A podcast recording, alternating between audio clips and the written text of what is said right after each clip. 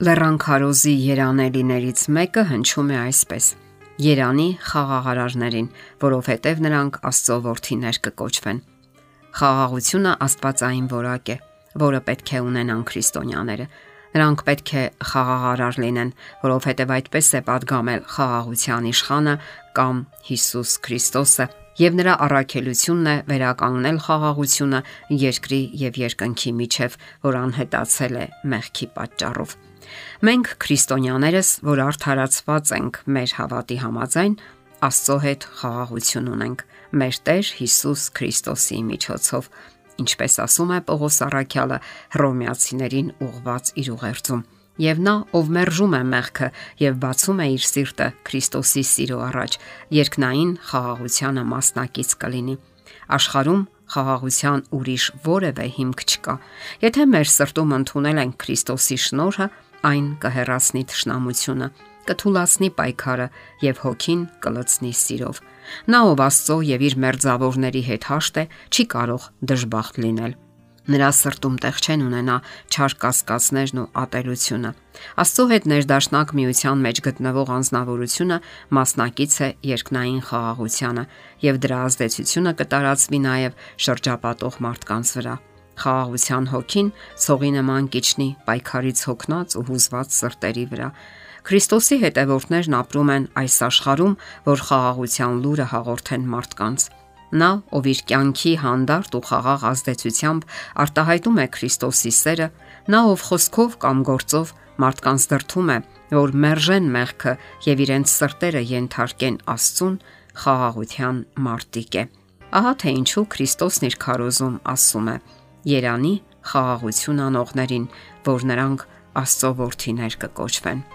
Խաղաղության հոգին եւ սիրալիր բնավորությունը աշխարհին հայտնում են, որ նրանք Աստծո զավակներ են։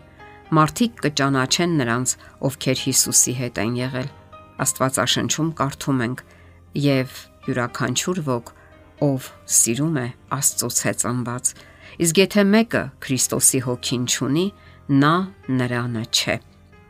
Հիսուսն իր հետևորդներին չխոստացավ աշխարհիկ փառք ու հարստություն, փորձությունից զերծ կյանք, բայց նրանց ցույց տվեց դժվարություններով ու նախատինքներով լի ճանապարով իրենց տիրոջ հետ քայլելու առավելությունը։ Նրան, ով եկել էր փրկելու կորած աշխարը, հակառակվեցին Աստծո եւ մարդու ճշնամիների միացյալ ուժերը չար մարդիկ դիմադրեցին եւ չընդունեցին խաղաղության իշխանին։ Թեև նրա ամեն խոսքն ու գործը լի էր աստվածային կարեկցանքով, նա արժանացավ ամենադաժան ատելության։ Պատճառն այն էր, որ նա հերու էր մարդկային բնությանը հատուկ չար հակումներից եւ այդ պատճառով ամենակատաղի ընդդիմության եւ թշնամության հանդիպեց այդ նույնը տեղի կունենա նրանց հետ, ովքեր կապրեն Աստվածապաշտ կյանքով, ինչպես Հիսուսը։ Արդարության ու մեղքի, սիրո եւ ատելության, ճշմարտության ու կեղծիքի միջև կատաղի պայքար է մղվում։ Երբ մարդն իր կյանքով ներկայացնում է Քրիստոսի սերն ու բնավորությունը, մարդուն հեռացնում է սատանայի թակավորությունից եւ այդ ժամանակ ճարի իշխանը սկսում է դիմադրել այդ բարի գործին։ Հալածանք ու նախատինք է սպասվում բոլոր նրանց, ովքեր փորձում են հետևել Քրիստոսին։ Իհարկե, հալածանքների բնույթը ժամանակի ընթացքում փոխվում է, բայց դրա հիմքում նույն հոգին ու սկզբունքն է։ Ահա թե ինչու Աստծուն սիրողները սկսած անմեղ հաբելի օրերից հալածանքների ու մահվան են դատապարտվում։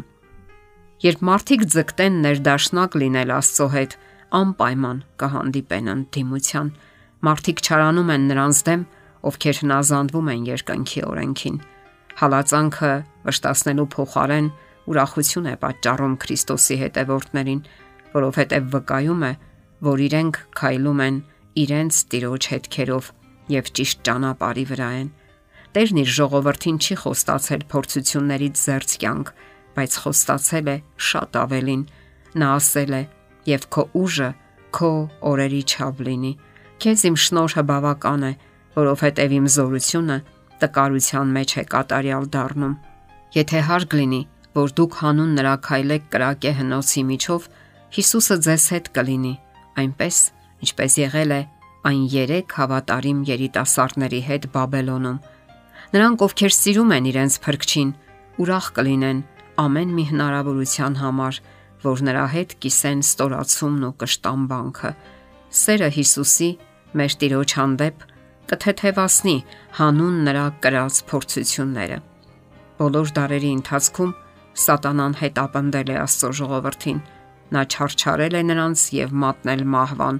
բայց մահանալով հանդերձ նրանք հաղթողներ են դարձել։